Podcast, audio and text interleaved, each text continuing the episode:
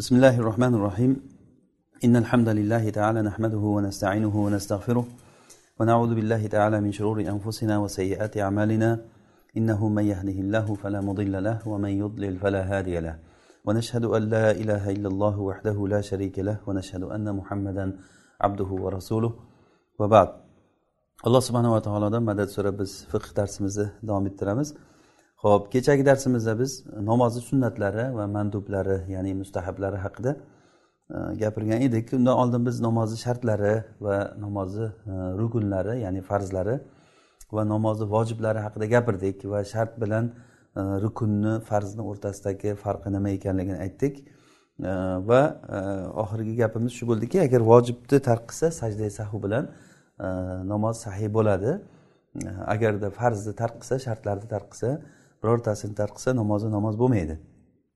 Keyin sunnatlardan ozroq biz gapirgan bo'luvdik inshaalloh bugun e, ozroq o'sha e, yuqorini gapirib o'tib yana darsimizni davom ettirib ketamiz. Ho'p musannif rahimaulloh aytdilarki bundan boshqalari sunna g'oyruha ya'ni boshqalari hozir yuqorida biz aytgan shartlar rukunlar vojiblar farzlar mana shulardan boshqasi yo sunnat yoki bo'lmasa mandub nudiba ya'ni nudiba degani mustahab bo'ladi degani mustahab bo'ladi. Keyin agarda namoz o'quvchi odam namozga kirishmoqchi bo'lsa faida aroda shurua kabbar. Agar namozga kirishmoqchi bo'lsa takbir aytadi. Namozga kirishmoqchi bo'lsa takbir aytadi. Rasululloh sollallohu alayhi vasallam aytganlarki tahrimuha takbir va tahliluha taslim. Namozni tahrimi namozga kirgizib qo'yadigan narsa odamni takbir bo'ladi. Allohu akbar degan takbir. Shuni aytganda hamzani cho'zmasdan va bani cho'zmasdan allohu akbar deb turib cho'zmasdan aytadi. Keyin quloqlarini e, nimasiga yumshog'iga mana bu ikkita barmog'ini tegizish masalasini gapirib o'tdik. Bu ishtihodiy masala. Rasululloh sollallohu alayhi vasallam sunnatlarini e, ikki xil kelgan holatida bir rivoyatda quloqlari barobar ko'tardi deyilgan bir rivoyatda yelka barobar ko'tarildi. Mana shularni jamlash uchun va o'shanga bir ko'ngil xotirjam bo'lishlik uchun ishtihod bilan aytilingan narsa bu. Bu vallohu alam xuddiki haligi namozda safni tekislashlik uchun Э, masjidlarga chiziq tortib qo'yganiga o'xshash yoki tasbeh aytgan paytda o'ttiz uchta tasbeh aytganligiga e, ya'ni aniq e, mutaakkid bo'lishlik uchun shunga ko'ngil xotirjam bo'lishlik uchun qo'liga tasbeh ushlab tasbeh aytishlikka o'xshagan e, bir narsa bu. Ya'ni bu juda katta bir o'rtamizda ixtilof qiladigan e, masalalardan emas bu. Ba'zi bir kishilar shunday qilib namoz o'qigan odamlarni ustidan kulib masxara qiladi. Bu juda katta xato bu. Chunki bu ishtihodni ehtirom qilish kerak. Ba'zi kishilar bo'lsa bunday qilmagan odamni namozi sahih emas deydi. Bu ham katta xato. O'zi aslida bu narsa masala nimada ekanligini biz tushunib olsak inshaalloh bu masala yengilancha va ayol kishi qo'lini e, yelka barobar ko'taradi deyildi. Ayol kishi qo'llarini yelka barobarcha ko'tariladi. Chunki bu ayol kishi uchun satrliroq. Biz kecha ham buni takror aytgan edik. Ayol kishini holati namozda satrga qurilingan ya'ni e, iloji boricha nima satrliroq bo'lsa shu qiladi. Ho'p e, har bir ta'zimga dalolat qilgan har bir narsa bilan namozni boshlasa bo'ladi deyilindi. Bu abu hanifa rahimaullohni ishtihodatlari e, ya'ni allohu akbarni o'rniga masalan allohul azim allohu samad allohul majid degan ismlar bilan ollohni azomatiga dalolat qilgan masalan allohul quddus deb namozni boshlasa joiz bo'ladi deganlar. Lekin bu qachon? Masalan bir odam shunday qilib boshlab qo'ygan bo'lsa namozi namoz bo'ladi. Bu degani uqur buni degani emas bu. Chunki rasululloh sollallohu alayhi vasallamni namozlarida biror marta allohul azim deb namoz boshlaganliklari kelmagan. Rasululloh sollallohu alayhi vasallam alloh taoloni aqimu salata degan buyrug'ini bayon qilib berdilar bizga. Namoz o'qinglar deganligini rasululloh sallallohu alayhi vasallam qanday qilib o'qish kerak ekanligini ko'rsatib berdilar. Rasulullohni ko'rsatgan namozlarida e, birortasida bunaqangi allohul azim allohu samad allohul quddus deb namoz boshlash yo'q.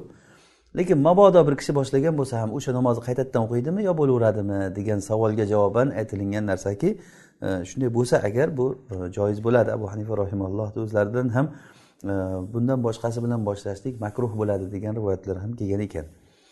Ho'p va yana vala mashubin bidua o'sha duoga aralashmagan e, zikr bilan boshlash kerak. Duoga aralashmagan zikr ya'ni allohim mag'firli deb namoz boshlasa masalan u bo'lmaydi. Ya'ni u azomatga alloh taoloni taqdimiga dalolat qiladigan narsa. Duo duo boshqa ollohni ulug'lash boshqa. Olloh hozir boshlashda namozda ollohni ulug'laydigan zikrlar bilan boshlashlik mashru bo'lgan. Valov bil farisiya ya'ni aytilyaptiki agar forscha bilan bo'lsa ham ya'ni agar forscha bilan bo'lsa ham bu abu hanifa rahimaullohda ollohni zikr qilib ulug'laydigan narsa bo'lsa shu illat topilsa bo'ladi. Ya'ni bu ham yana yuqorida aytganimiz kabi yuqorida aytganimiz kabi agar boshlab shunaqa o'qigan bo'lsa bo'ladimi yo'qmi degan narsaga javob bo'ladi. Abu yusuf rahimaulloh aytadilarki e, va muhammad rahimulloh ikkalari arabchadan boshqasida bo'lmaydi. Arabchadan boshqasida bo'lmaydi chunki namoz zikrlari bu arab tilida bizga keldi va fors bo'ladimi boshqa millat bo'ladimi albatta arab tilida qilish kerak buni deb aytishgan. Allohu alam. Keyin e, lal qiroatu biha forscha qiroat qilishlik bo'lmaydi deganlar. Illa bi uzrin illa uzr bilan. Va bihi yufta mana shunga ya'ni shunga fatvo beriladi. E, ya'ni shunga fatvo beriladi ya'ni bu degani e, ya'ni bo'lmasligiga fatvo beriladi. Va bihi yufta ya'ni forscha qiroat bu qiroat deyilmaydi. Abu hanifa rahimaulloh dastlab forscha qiroat qilsa qiroat bo'ladi. Ya'ni bu qur'on bilan masalan injil va zabur bularni o'zi asli ma'nosi bir. Alloh taoloni tavhid qilish alloh taoloni tanitish bo'lgandan keyin alloh taolo qur'onda va innahu lafi zuburil avvalin bu qur'on avvalgilarni kitoblarida bor. Lafi zuburil avvalin oldingilarni kitoblarida bor. Deb innahu zamiri qur'onga boradi. O'shanda demak qur'on xuddi o'sha oldingilarni kitoblari bilan e, ma'noda bir xil bo'ladi. Shuning uchun ham o'sha qur'onni ma'nosini forsalab o'qisa qur'on o'qigan bo'ladi deb aytardilar. Keyin o'zlari bu ishtihoddan qaytganlar.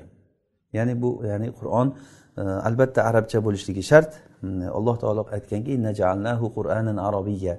Biz bu kitobni qur'onni e, arabcha qur'on qildik. Qur'anan arabiyyan ivaj biz buni arabcha qur'on qildik. Hech qanday bir egriligi qiyshiqligi yo'q bunda bir mana bu joyi mana bunday ma'noni ifoda qilib qolyapti degan narsa yo'q. E, agarda biz buni ajamiy qur'on qilganimizda edi odamlar aytishardiki buni oyatlari tafsir qilinsa bo'lmasmidi deb aytishar edi demak qur'ondan arabchadan boshqada qur'on desa qur'on bo'lmaydi u.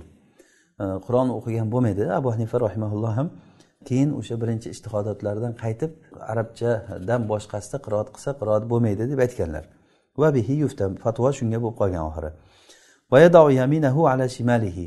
Va qo'l o'ng qo'lini chap qo'lini ustiga qo'yadi. Mana shu sunnat ya'ni namozda e, o'ng qo'lni chap qo'lni ustiga qo'yishlik. Buxoriyda muslimda abu davudda termiziyda e, sunan ibn mojahda nasoiyda hamma sunanlarda kelgan narsa o'ng qo'lni chap qo'lni ustiga qo'yishlik namozda.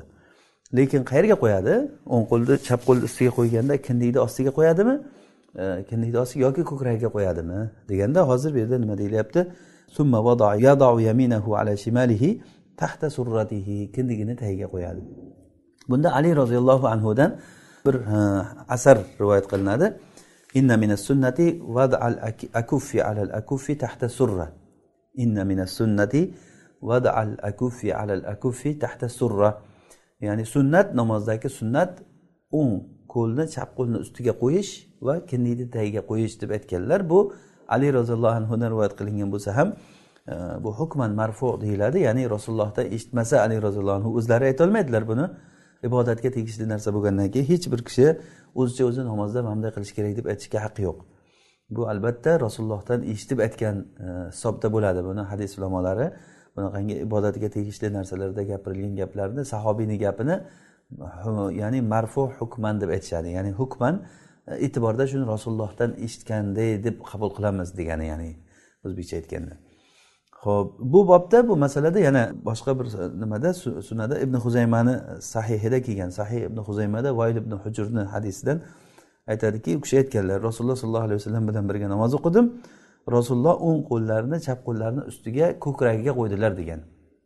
Sollaytu ma nabiy sollallohu alayhi vasallam ma rasululloh sallallohu alayhi vasallam al yusra ala sodrihi ko'kragiga qo'ydilar deb kelgan. Demak hozir mana oldimizda ikkita hadis e, bo'ldi. Bittasi ali roziyallohu anhuni asarlari ya'ni o'ng qo'lni chap qo'lni ustiga qo'yishlik va kindikni tagiga qo'yishlik.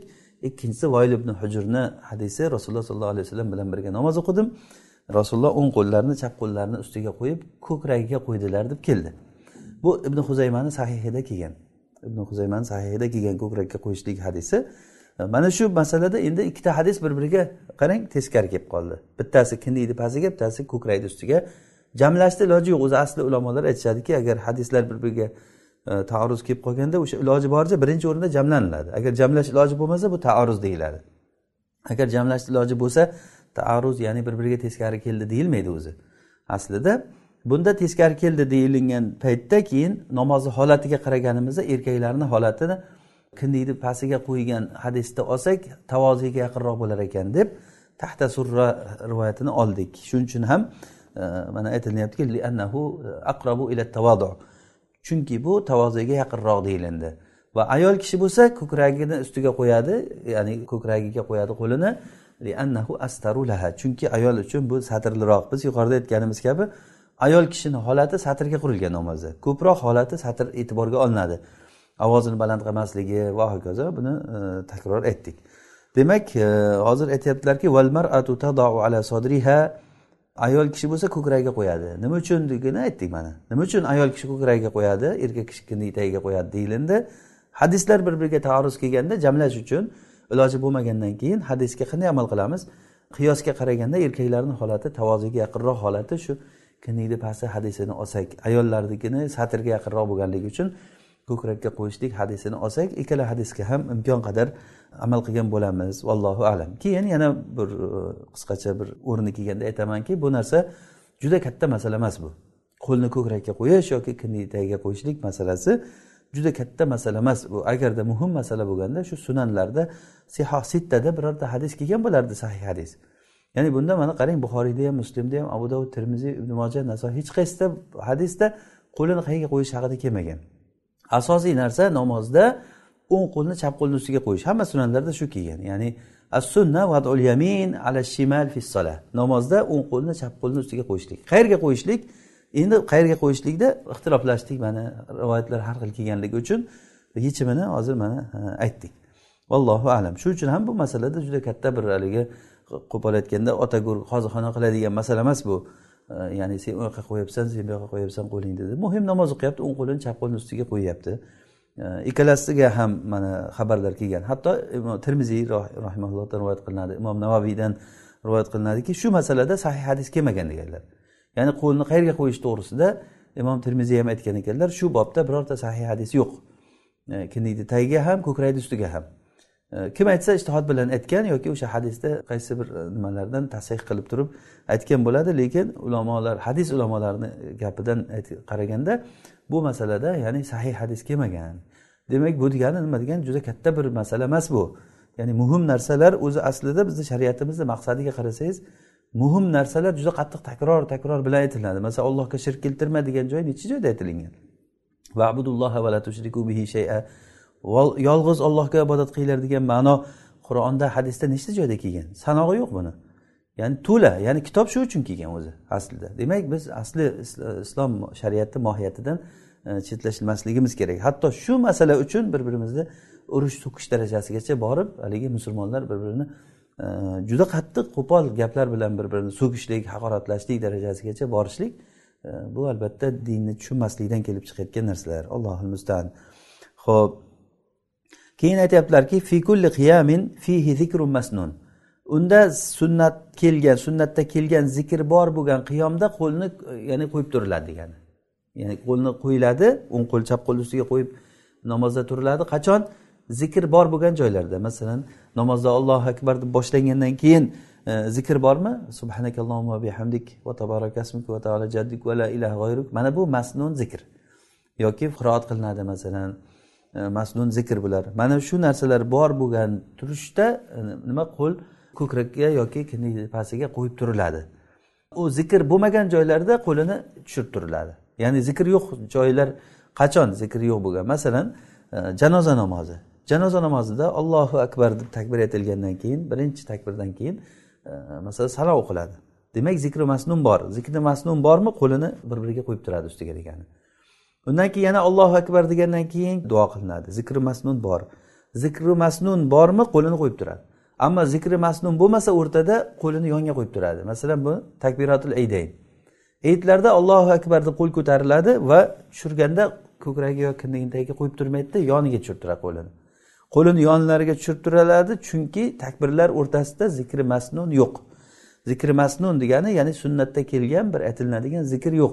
O'sha bu bir zobiti bu. Ya'ni zobit deganda biz fiqiy istilohda e, qachon qo'lni ko'krakka qo'yamiz yo kindik tagiga qo'yamiz qachon yonga qo'yib turamiz deganda qachon agar namozda e, masnun bir zikr bo'lsa ko'krakka yoki kindikka qo'yib turamiz qo'l o'ng qo'l chap qo'l ustiga qo'yib turamiz.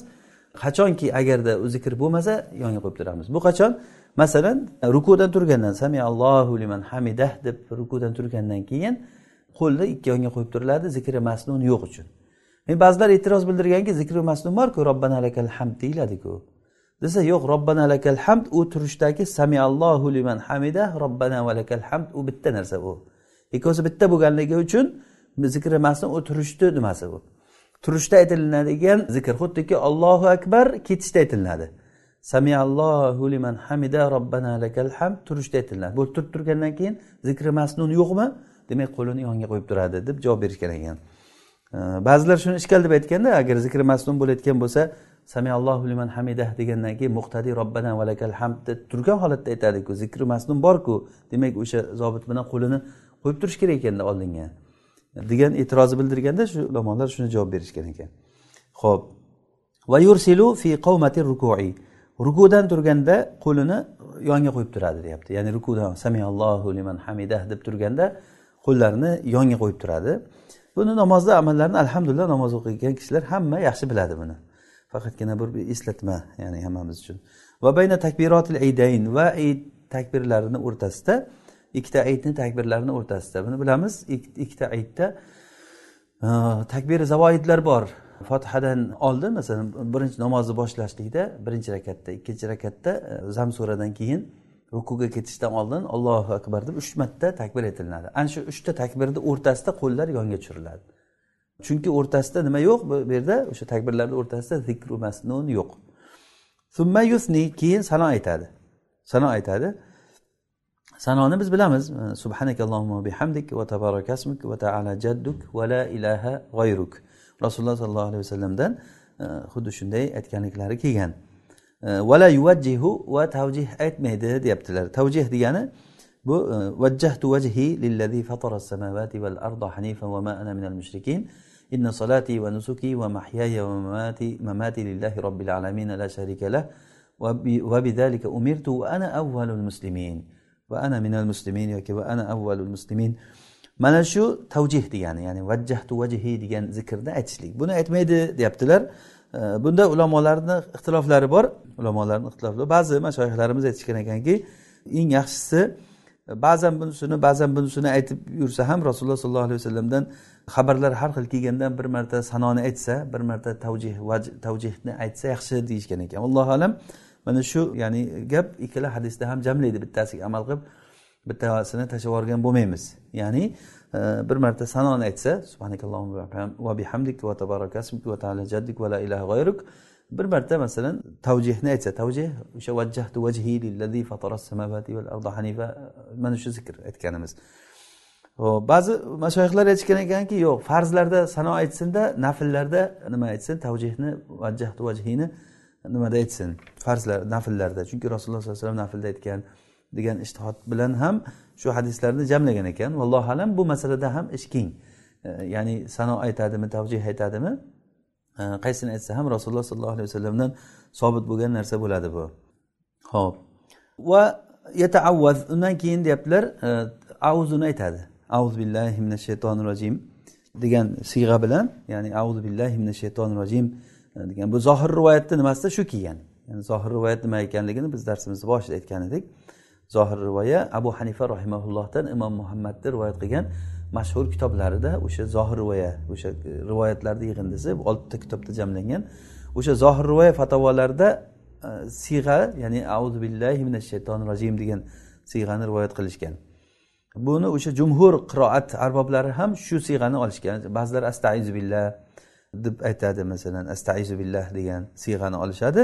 Lekin jumhur qorilar hammalari auzu billahi minash shaytonir rojim degan siyg'ani olishgan.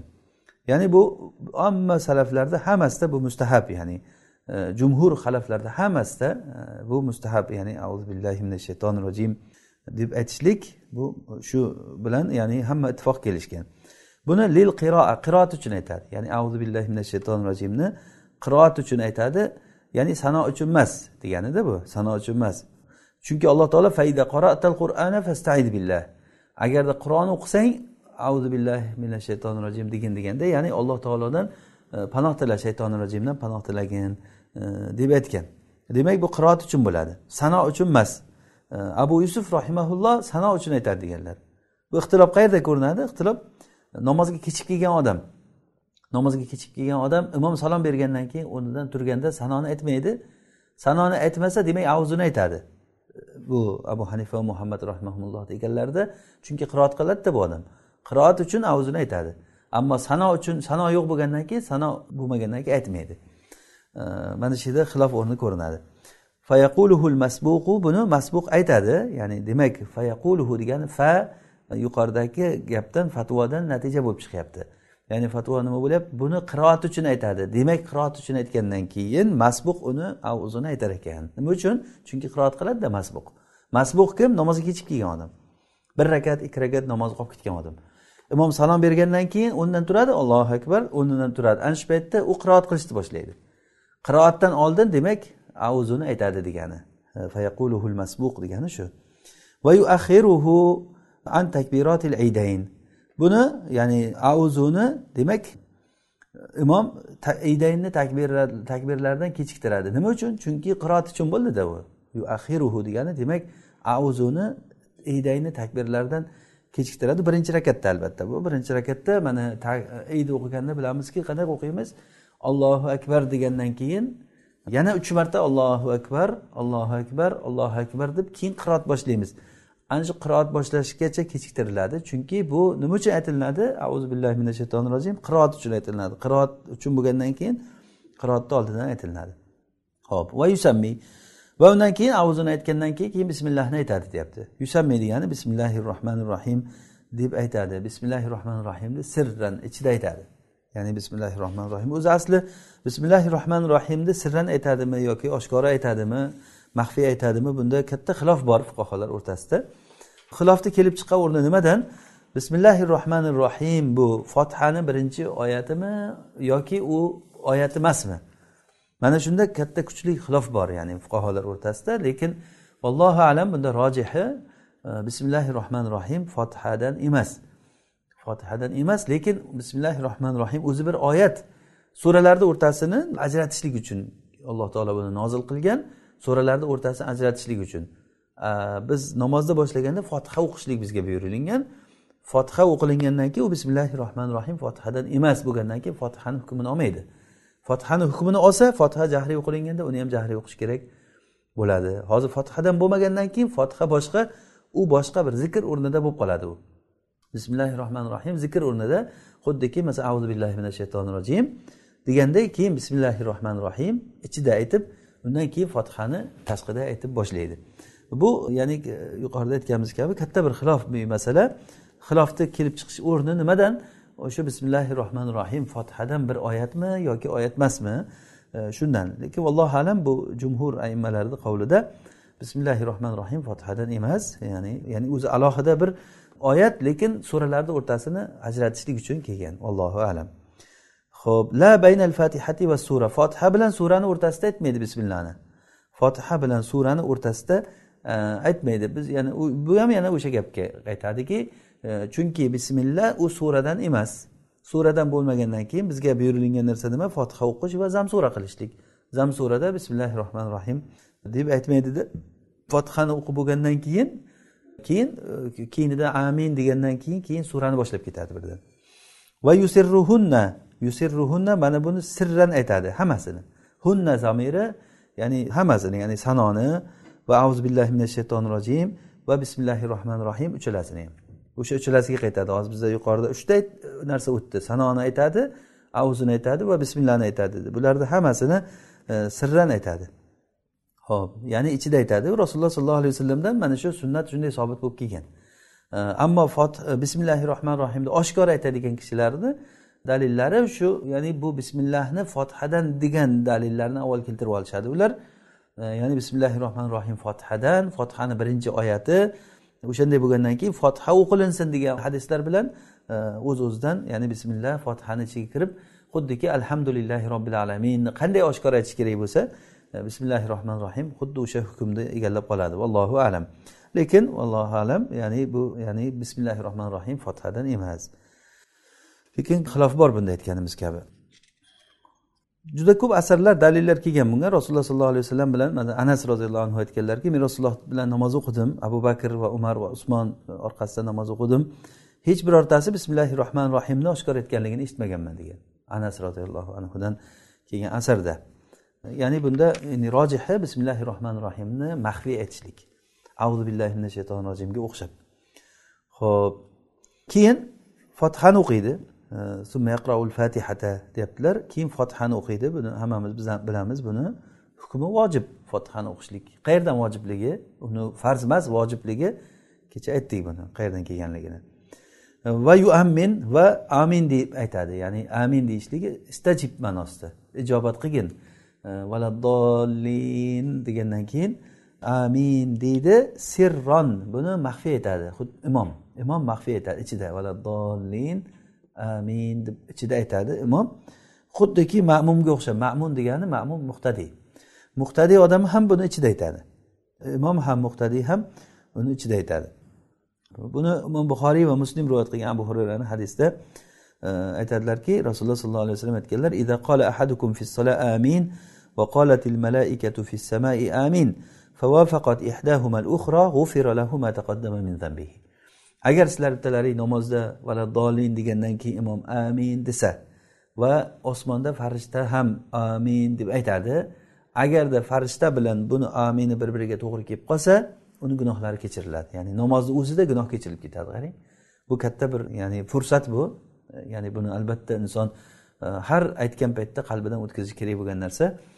Ehtimolki o'sha farishtani bir marta amin deyishligiga buniki to'g'ri kelib qolsa gunohi kechirilib ketadi alloh taolo o'shanday vaqtlarga yetishtirgan bo'lsin. Bundan keyin ham yetishtirsin hammamizni. Demak mana shu hadis bilan hozir buxoriy va muslim rivoyat qilgan hadis bu. Agarda amin desa malak ham farishta ham amin deydi. Agar e, buni amini bilan namoz o'quvchini amini bilan farishtani amini to'g'ri kelib qolsa bir biriga e, nima gunohi kechiriladi deyaptilar. Lekin buni sirran aytadi. Sirran aytadi ya'ni amin deb turib sirran aytadi. O'zi asli buni sirriy va oshkor aytishligi juda katta bir xilofiy masala emas bu. Ya'ni aytishligida muttafaq. Ya'ni abu hanifa rahimulloh imom molik ekanlari ham buni sirli aytadi deganlar va boshqa e, aimmalar buni oshkor aytadi deganlar lekin aytishda jamlangan hammasi aytadimi? Aytadi. Ya'ni amin deydi. E, kimdir aytdi oshkor aytadi dedi kimdir aytdi maxfiy aytadi. Bu ham haligi aytganimizdek juda katta bir e, to'palangan janjalga olib kelayotgan narsa bo'lmasligi kerak bu. Bu ham ya'ni amin deyishlikni maxfiy aytishlikda juda ko'p asarlar kelgan ibrohim nahoiydan e, aytganlarki to'rt narsani imom maxfiy aytadi auzu billahi minash shaytonir rojimni va bismillahi rohmanir rohimni e, va robbana allohim robbana valakal hamdni va aminni to'rtalasini nima aytadi bu asarlar umar roziyallohu anhudan ham kelgan va ali roziyallohu anhudan ham kelgan. E, sahobalarni o'rtasida katta xilofiy katta xilofiy emas sahobalardan har xil kelgan bu narsa. Demak u narsa o'z o'zidan ya'ni xilof o'rni bo'ladi. Xilof bo'lganda ham bu ya'ni juda basit yengil xilof. Yengil xilof ya'ni kimdir uni jahriy aytdidi kimdir uni maxfiy aytdidi muhim ayt ya'ni aytishligimiz muhim. Bizni e'tiqodimizda bo'lishi kerak bo'lgan narsa shuki valaddolin degandan keyin amin desak agar aytgan aminingiz farishtani amini bilan birga to'g'ri kelib qolsa gunoh kechiriladi mana shu narsa muhim. Ho'p keyin va yatamidu biyadayhi ala rukbatayhi. Nimada aytdiki summa yukabbiru lirruku'i xofidan keyin nimani o'qib bo'lgandan keyin e, fotihani o'qib bo'lgandan keyin bir sura zam qiladi zam sura qiladi. Undan keyin zam sura qilgandan keyin keyin ollohu akbar deb turib rukuga ketadi. Rukuga ketishda hozir qarang iborani. Summa yukabbiru lirruku'i xofidan keyin rukuga engishib ketishda takbir aytadi. Mana shu sunnat o'zi. Ya'ni musannif rahimaulloh juda iborani daqiq bir ajib keltirganlar. Ollohu akbar deb ketadi. Ba'zi bir imomlarni ko'rib qolasiz imom o'tib turgan paytda zam sura tugagandan keyin ikkita qo'lini tushirib yuboradidan keyin allohu akbar deydida ozroq turib keyin ruku ketadi. U orqadagi odamlar imomdan o'tib ham ketadi ba'zilar. Allohu akbar eshitgandan keyin e, ovoziga qarab turgan odamlar o'zi imom ko'rmay turgan odamlar allohu akbar degandan keyin tezroq harakat qilganlar imomdan oshib ham ketadi. Bu narsa imomni ya'ni xilofi ya'ni noto'g'ri qilgani bo'ladi. Ya'ni mana shu turgan paytda zam sura tugadimi rukuga ketmoqchimi? Allohu akbar deydi. Ya'ni hofidon deganligi o'sha ingishib ketish paytida rukuni aytadi. Aynan umar ibn abdulazizni e, nimasi namozini ko'rganda abu said shu bolani namoz o'qishligi menga rasulullohni namoz o'qishligini eslatib yubordi menga. Ya'ni rasulullohni namoz o'qishlari shunday edi. E, ingishib ketishda aytardilar. Va samiallohu liman hamida deb turishda engishishda sajdaga ketishda ham masalan qiyomda turibdimi allohu akbar deb turib sajdaga boradi. Ba'zida bor indamay turadidan keyin dup bitib yiqiladidan keyin sajdaga boshini qo'yganda allohu akbar deydi. Allohu akbar degan paytda u sajdada bo'ladi o'zi. Ya'ni bunaqa emas sunnati o'zi ana shu yiqilish paytida bu o'sha ana shu harakatni joyi o'sha zikr ana shu harakat paytida qilinadi. Ya'ni rukuga ketishda ham allohu akbar rukuga ketishda qilinadi bu. Keyin va yatamidu biyadayhi ala rukbatayhi. Qo'llari bilan nimadan tizzalarini ushlaydi. Buni hammamiz shunday qilamiz. Alhamdulillah namoz o'qiyotgan odamlar bunda hech xilofi yo'q. Oldinlari sahobalar ba'zilari ikkita kaftini bir qilib turib ikkita sonini o'rtasiga tiqqan rukuda. Ya'ni mana shunday qilib ham ruku qilganlari bo'lgan. Bu o'sha sad ibn abi vaqqosni o'g'illari musab kelib turib e, otamni oldida namoz o'qidim deydi. Musab ibn sad ibn abi vaqqos otasini kim? Sad ibn abi vaqqosni oldida yonida namoz o'qidimda rukuda kaftlarimni bir biriga tiqib ikkita sonimni o'rtasiga tiqib oldim. Shunda otam meni qaytardi deb aytdilarki biz oldin shunday qilar edik keyin qo'llarimizni tizzalarga qo'yishlikka buyurilindik deganlar. Ya'ni rukuda qo'llarimizni tizzaga qo'yishlikka buyurilindik bizga qanday buyruq kelgan bo'lsa shunday qilamiz alhamdulillah bunda hech qanday hozir bir xilof yo'q hamma shunday namoz o'qiydi. Ya'ni e, ruku qilgan paytda e, qo'lini tizzaga qo'yishligi. Ba'zi bir odamlar qo'lini tizzadan pastroqqa qo'yib yuboradi. Juda ko'p ingichib yuboradi bu sunnatga xilof. Ya'ni aynan tizzani ustiga qo'yishlik kerak qo'llarini. Va qo'yganda ham qanday? Mufarrijan asobiahu barmoqlarini orasini ochib qo'yadi. Bu tavoziga ham yaqinroq. E, ba'zilar mana bunday qilib qo'yadi qo'lini masalan tizzaga qo'ygan paytda bunday ikkita qo'li bunday turadi. Yo'q mana bunday barmoqlari ochib bu ya'ni tamkin haligi tizzani mahkam ushlab turishlikka va e, o'ziga ham namozda bir e, mo'tadil turishlikka olib keladi. E, Anas roziyallohu anhudan bir asarda keladi. Nabiy sallallohu alayhi vasallam aytganlarki agarda sen ruku qiladigan bo'lsang qo'llaringni tizzalaringni ustiga qo'ygin va barmoqlarini orasini ochgin va qo'llaringni ikki yondan ya'ni yonga ochgin deganlar. Mana bunday ruku qilgan paytda qo'ygan bunday qilmasdan ya'ni qo'llaringni ochgin deb aytganlar anas roziyallohu anhudan. Va imom termiziy aytgan ekanlarki mana shu ahli ilmlarda rasulullohni ashoblari va tobeinlardan bizga amal sobit bo'lgan narsa shu deganlar. Alhamdulillah ya'ni bu narsada hamma biladigan hamma amal qiladigan narsa bo'ldi bu. Basiton zohrahu orqasini tekis yoyib turadi. Ya'ni mana bu ham juda muhim narsa. Namozda rukuda turgan paytda ba'zi odamlar rukuda orqasi bunday kamon sifat bo'lib turadi ba'zilar o'zi yaxshi durust engishmaydi ham. Sal engishganda sal engishib turadi kallasini ko'tarib turadi. Bu ham noto'g'ri ya'ni namoz bu ibodat bu. Ya'ni badan bilan bo'ladigan ibodat ham ruhi qalbimiz bilan zikr qilsak asosiy narsa bu. Va badan ham rasululloh qilganlaridek qilishlikka buyurilganmiz. Bunda qo'l harakatlari gavda harakatlari qarang hatto qo'lni namozga qayga qo'yishlikkacha aytilyapti masalan.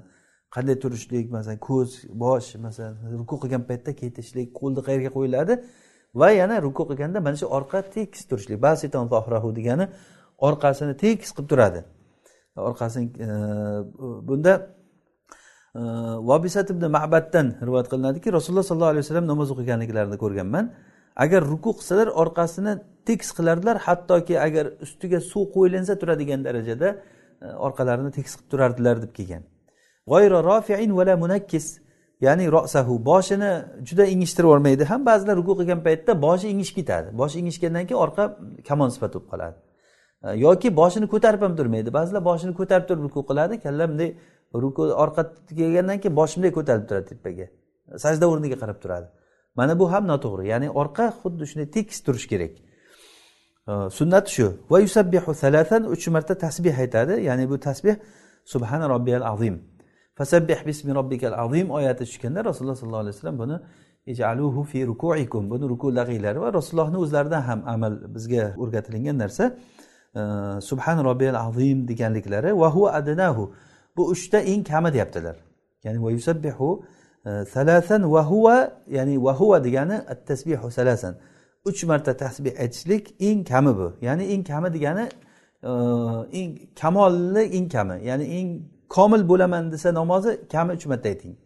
Ammo bir marta subhana robbiyal azim desa ham namozi namoz bo'ladi farz ado bo'ladi bu bilan. Gunohkor bo'ladi lekin tadilni tashlaganligi uchun gunohkor bo'ladi. Ammo komil namoz o'qiyman degan odam eng kami subhana robbiyal azim subhana robbiyal azim deb aytish kerak. Keyin yana bir muhim narsa keyinroq aytaman inshaalloh buni til bilan aytish kerak buni. Ba'zi odamlar ko'nglida aytadi. Ichida subhana robbiyal azim subhana robbiyal azim subhana robbiyal azim ichida o'tadi. U agar til bilan aytsa bir marta ham aytish vaqti ketmagan joyda uch marta to'rt martalab aytib oladi u odam. Zib turadi keyin rukudan. Mana bu xato bu. Ya'ni bu til bilan bo'ladigan tasbeh bu. Tasbeh qalb bilan bo'lgani kabi til bilan ham bo'ladi. Namozda ham qalb bilan ham til bilan aytishlik sunnat bo'lgan. Demak bu til bilan subhana robbiyal azim deb aytishlik kerak. Bu nimalarni zikrlarni ma'nolarini alhamdulillah biz boshqa darslarimizda tasbeh va takbir va tahmid bularni ma'nolarini aytgandik. Bu narsa namozni ruhiyatiga tegishli bo'lgan asosiy narsalardan. U boshqa bir darslarimizda aytilingan. Alhamdulillah. Bizga hozir faqat shaklida aytilinayotgan narsani aytyapmiz subhana robbiyal azim subhana robbiyal ala deb aytilinganligi. Keyin hop rukuda subhana robbiyal azim degandan keyin summa yusammi. Keyin tasmi ya'ni samiallohu liman hamidah deb aytadida turadi. Rofian rosahu mana bu ham o'sha gap. Qarang summa yusammiu rofian rosahu boshini ko'taribla aytadi samiallohu liman hamida deb. E, ba'zi odamlar rukuda turgan holatda samiallohu liman hamida deydi turmaydi hali. Unda orqadagi odamlar turib qo'yadi o'zi. Bu xato bu. Yoki ba'zilar bo'lsa o'rnidan turadidan keyin tikka bo'lgandan keyin samiallohu liman hamida deydi. Mana bu ham xato. Ya'ni bu qanday bo'lishi kerak? Samiallohu liman hamida deganda o'zi turib bo'ladi. Ya'ni o'sha e, iborani musanif rahimalloh ajib bir ibora tanlab aytyaptilar. Summa rosahu boshini ko'tarish paytida ko'tarib la aytadi. Ko'tarib ko'targan holatida samiallohu liman hamida deydi. Va yaktafi bihi al imom imom samiallohu liman hamidah bilan kifoyalanadi deyaptilar. Va ma'mum bo'lsa va bittahmidil mu'tam. Iqtido qilgan odam robbana valakal hamd bilan kifoyalanadi deyaptilar.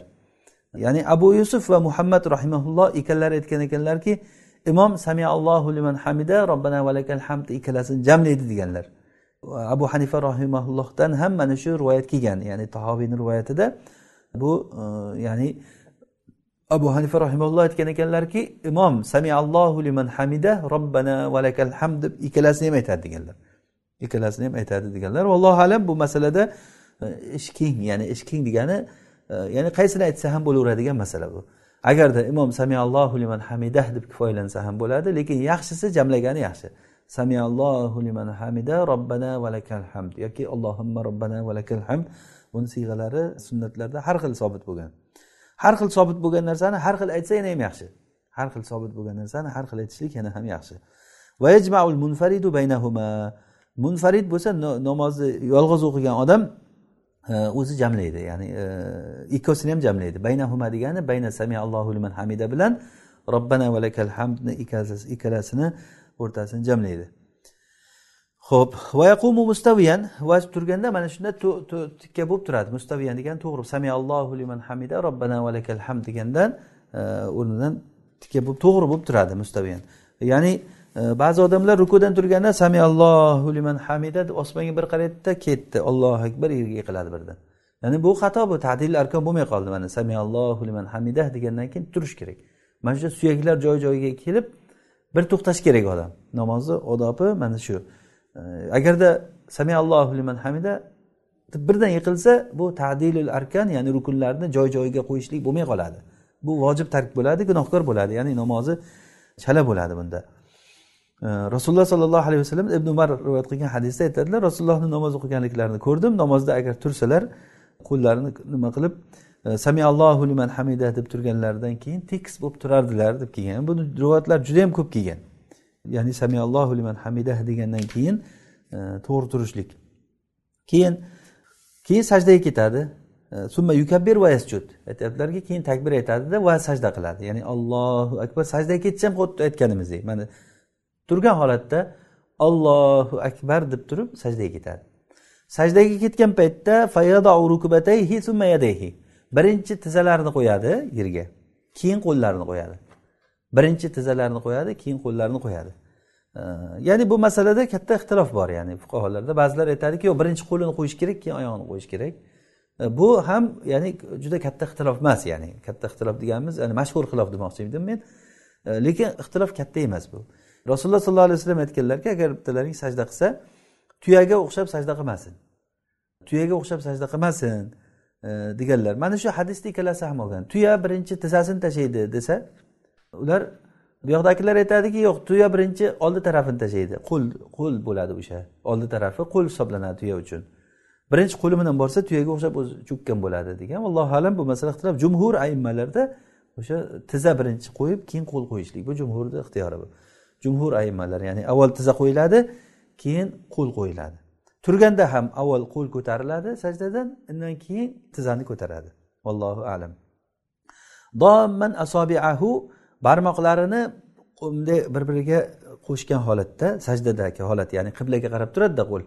Ba'zilar bor sajda qilganda mana bunday qilib sajda qiladi yoki bunday sajda qiladi. Barmoqlari ochiq bo'ladi. Mana bu ham namoz odoblaridan emas namozda barmoqlar bir biriga qo'shilgan holatda e, mana shunday bo'ladi. Keyin yuzini ikkita kaftini o'rtasiga qo'yadi. Ikkita kaftini o'rtasiga mana ikkita kafti ochiq tursa yuzi mana shu ikkita kaftni o'rtasiga qo'yiladi. E, Muslim rivoyat qilgan hadisda voil ibn hujurni hadisda rasululloh sollallohu alayhi vasallam e, sajda qilgan paytlarida yuzlarini ikkita kaftini o'rtasiga qo'ydilar degan. Muslim rivoyat qilgan hadisda rasululloh sollallohu alayhi vasallam sajda qilganlarida ya'ni yuzlarini ikkita kaftini o'rtasiga qo'ydilar degan. Ya'ni qo'llar qiblaga qaragan holatda barmoqlar uchlari qiblaga qaragan holatda bo'ladi. Ho'p mubdiyan dobayhi dobayhi ya'ni bu qo'llarini ochgan holatda bo'ladi. Dobayhi degani mana bu nimalarini qo'llarini sajda qilgan paytda bunday qilib yopishtirib qornini yerga soniga yopishtirgan holatda bo'lmaydi.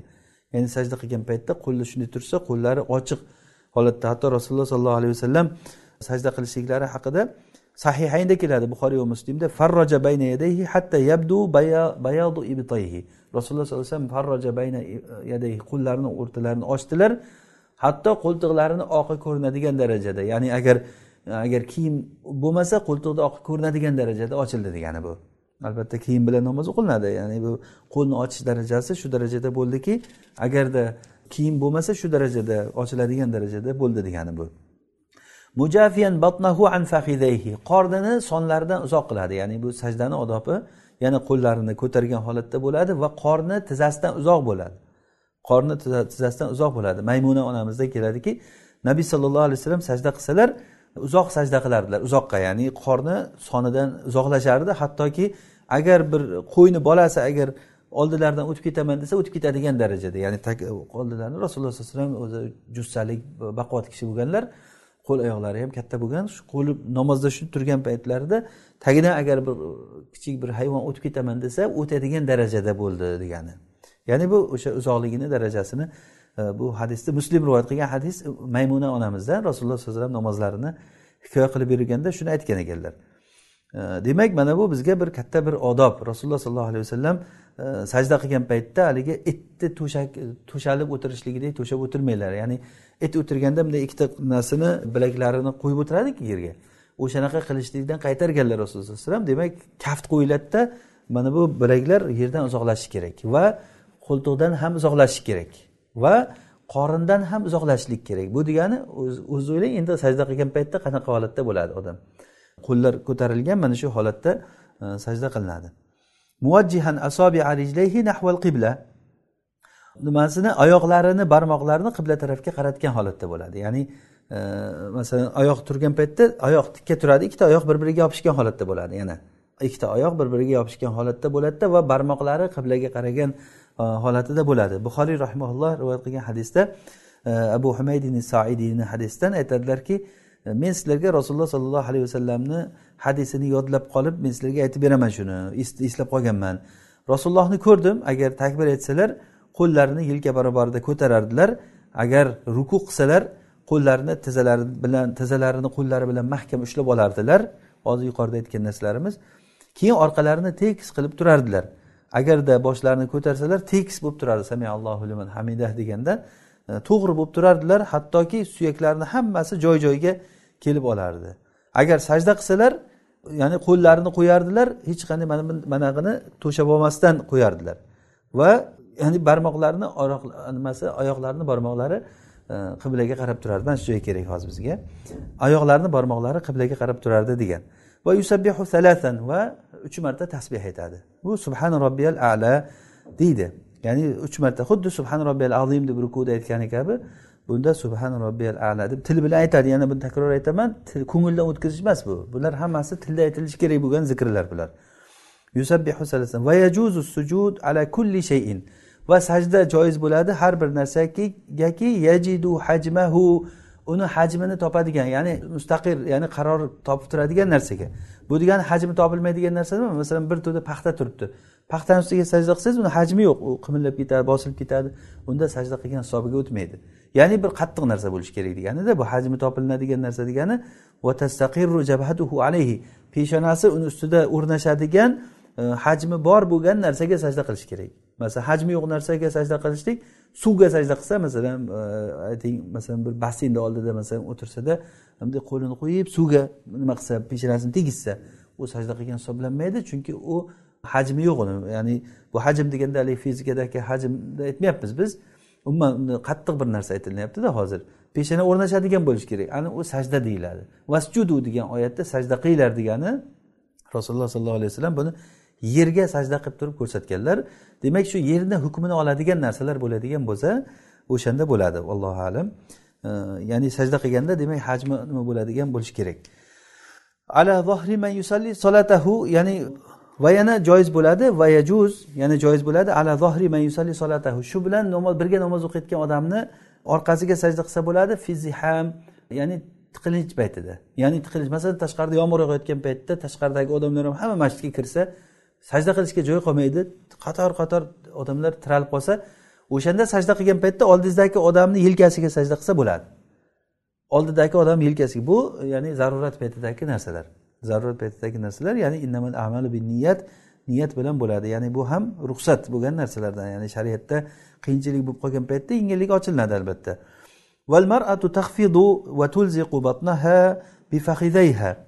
Ayol kishi bo'lsa sajda paytida qornini qornini sonlariga yopishtirib turadi. Chunki bu ayol kishini holati yuqorida aytganimiz kabi satrga qurilingan hamma holati namozda satr satr satr bilan kelyapti. Ho'p mana shu bilan ayol kishiniki e, aytilindi. Keyin bu boshqa gap. E, boshini takbir aytib ko'taradi deganda. Demak ayol kishi qornini e, yopishtirib turadi. Bunga ko'p asarlar kelgan. Rasululloh sollallohu alayhi vasallam ayol kishiga qarab turib sen qorningni ba'zisini soningga yopishtirgin degan asarlarni kitoblarda o'sha dalillarni aytganda keltiriladi. Shu bilan ayol bilan erkakni Э, farqi farqlanadi degan. Ba'zi fuqarolar aytgan yo'q bunda ayol kishi bilan ayol erkak kishi namozini farqi yo'q. Annisa o'sha rijal. Ayollar erkaklarni tengi ya'ni bu illa dalil.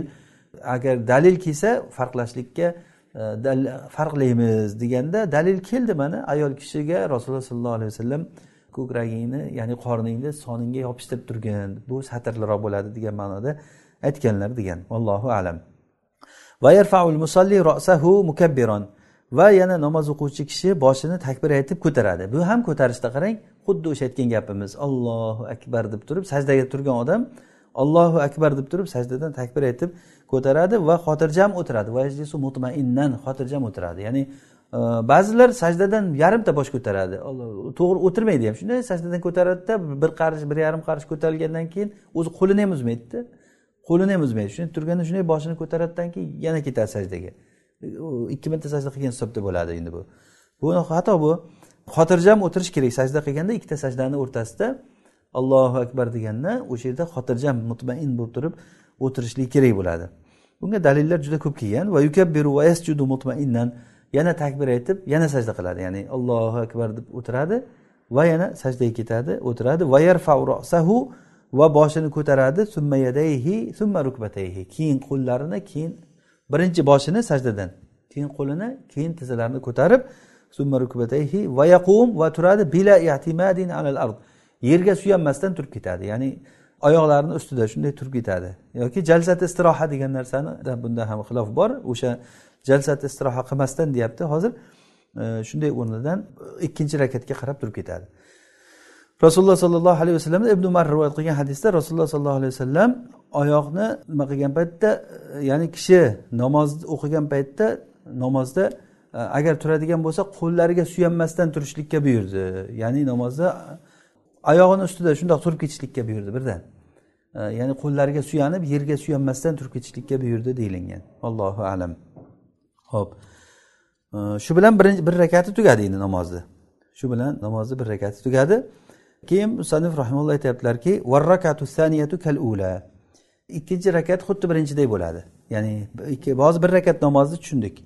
Demak ikkinchi rakat xuddi birinchiday bo'ladi lekin valakin la sanaa unda sano yo'q. Subhanakallohumani aytishlik yo'q. Vala taavuz auzu billahi minash shaytonir rojimni aytishlik yo'q. E, namozni boshlaganda sano va avuzini aytildiku. Vala rafa yadin fiha va unda qo'l ko'tarish ham yo'q takbir tahrimani aytyapti.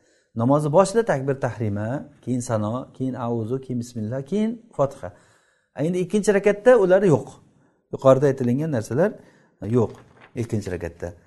Ho'p va ida atammaha ikkinchi rakatni endi bitgandan keyin e, ida atammaha agar ikkinchi rakatni tugatsa ikkinchini iftarosha rijlahul yusro va jalasa alayha.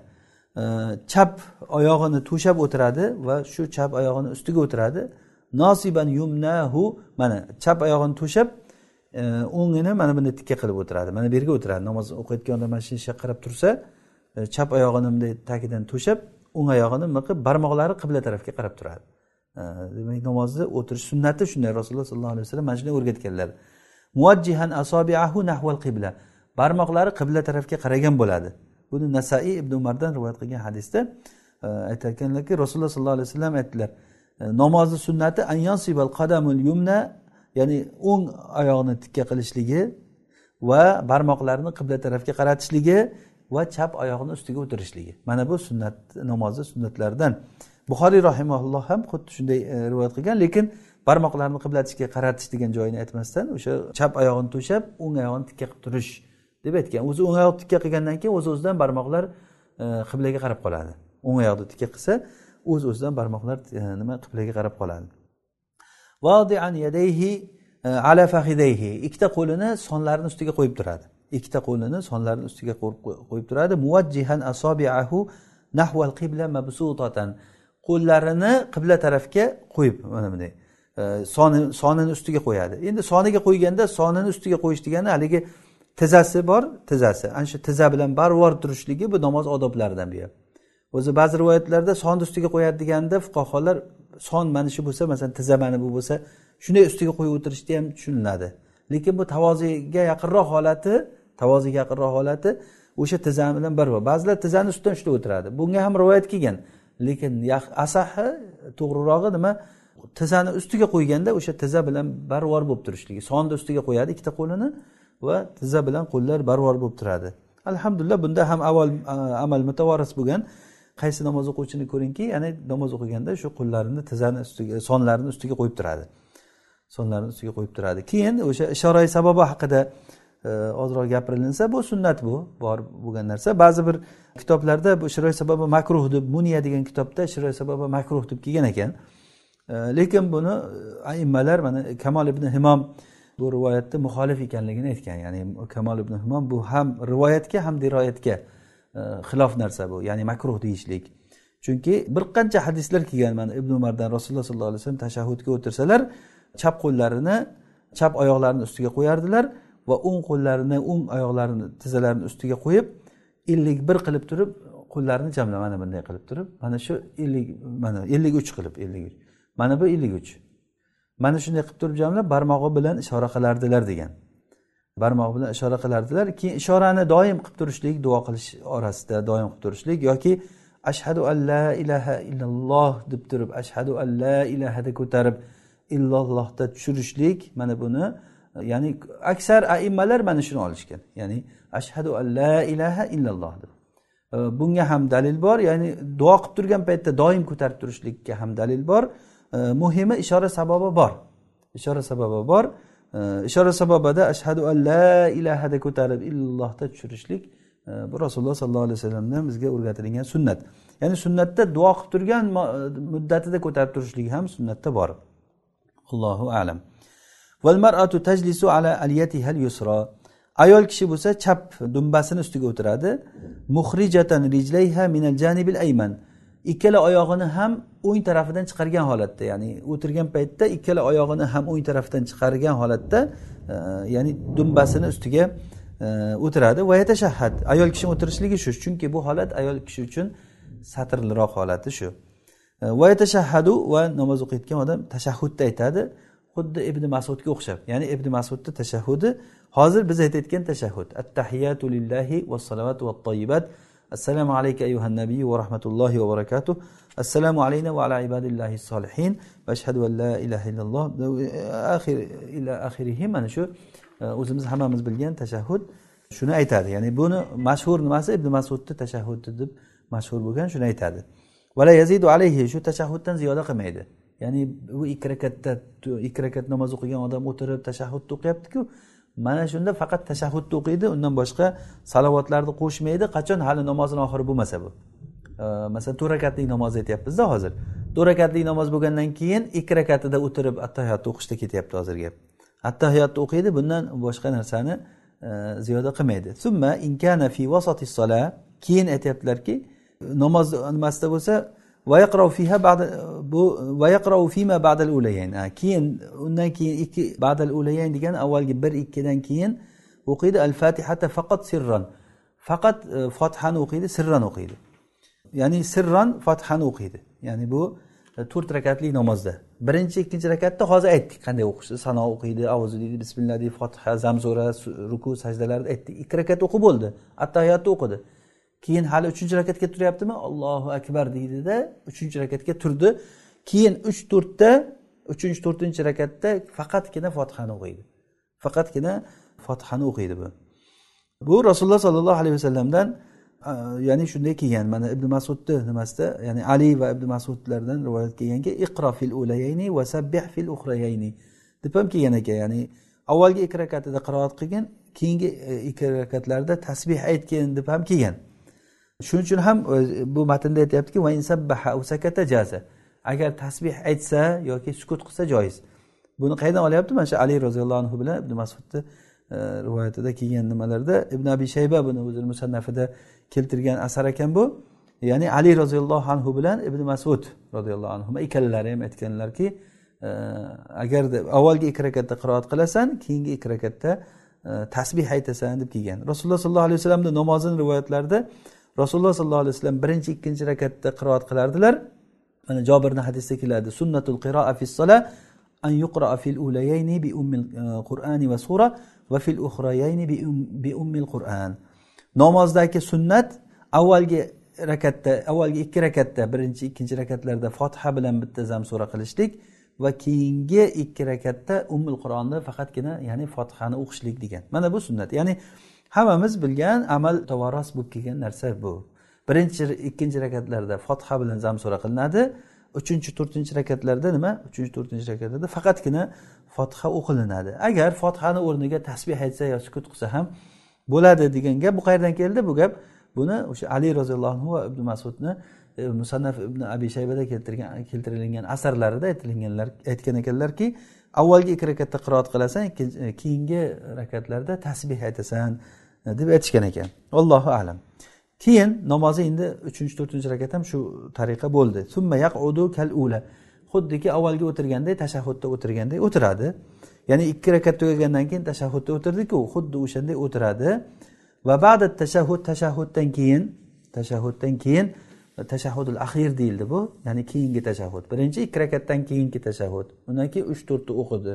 to'rtinchi rakatdan keyin o'tirib tashahhuddan keyin yusolli ala nabiy sollallohu alayhi vasallam rasululloh sollallohu alayhi vasallamga salovat aytadi ya'ni allohimma solli ala muhammad va ala ali muhammad كما صليت على إبراهيم وعلى آل إبراهيم إنك حميد مجيد اللهم بارك على محمد وعلى آل محمد كما باركت على إبراهيم وعلى آل إبراهيم إنك hamidun majid mana shu e, ya'ni salovatlar attahiyatdan keyin e, mana shuni aytadi attahiyatdan keyin mana shuni aytadi keyin va yadu va duo qiladi.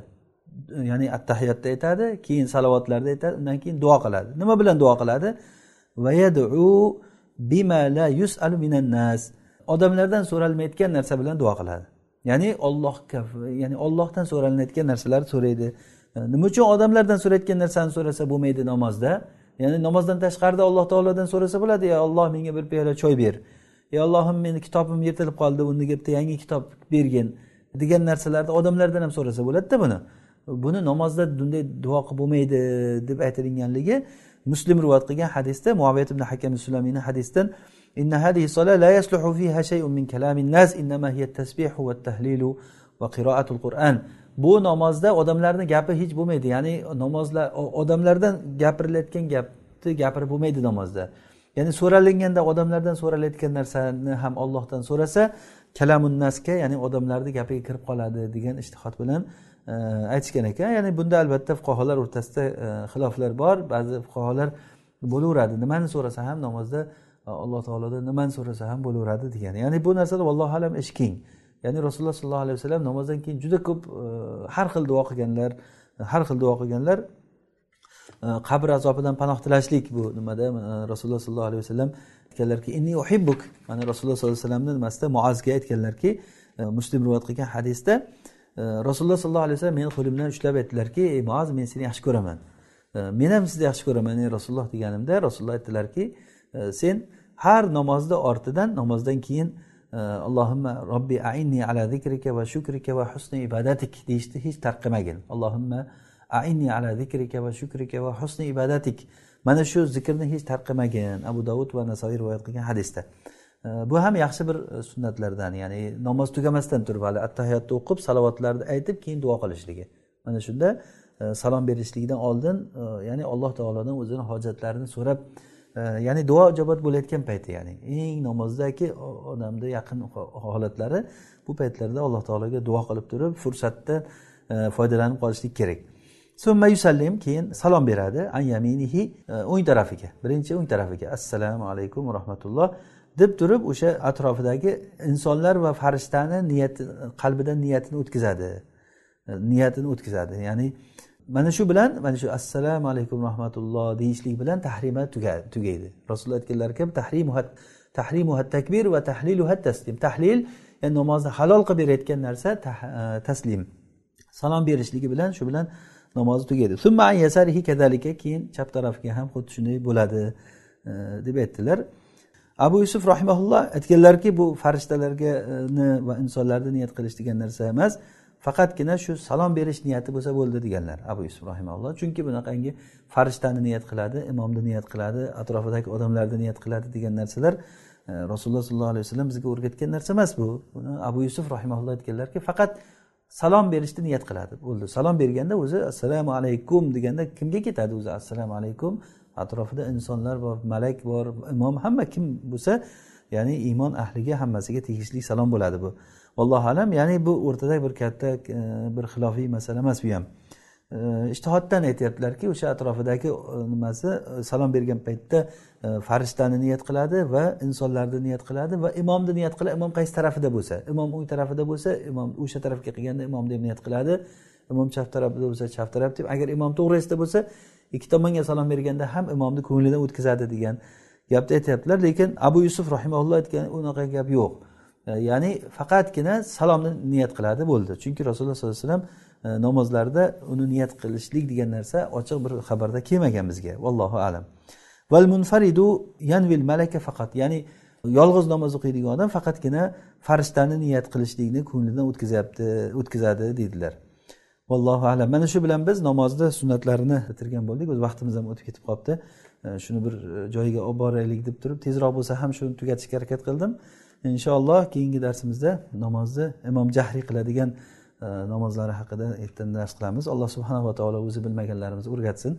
o'rganganlarimizga amal qilishlikka tavfiq bersin alloh taolo dinimizda faqih kishilardan e, qilsin alloh taolo darslarimizni davomiy va barakotli qilsin هذا ما أعلم ربنا تعالى أعلى وأعلم سبحانك اللهم وبحمدك نشهد أن لا إله إلا أنت نستغفرك ونتوب إليك صل اللهم وبارك على عبدك ونبيك محمد عليه الصلاة والسلام والسلام عليكم ورحمة الله وبركاته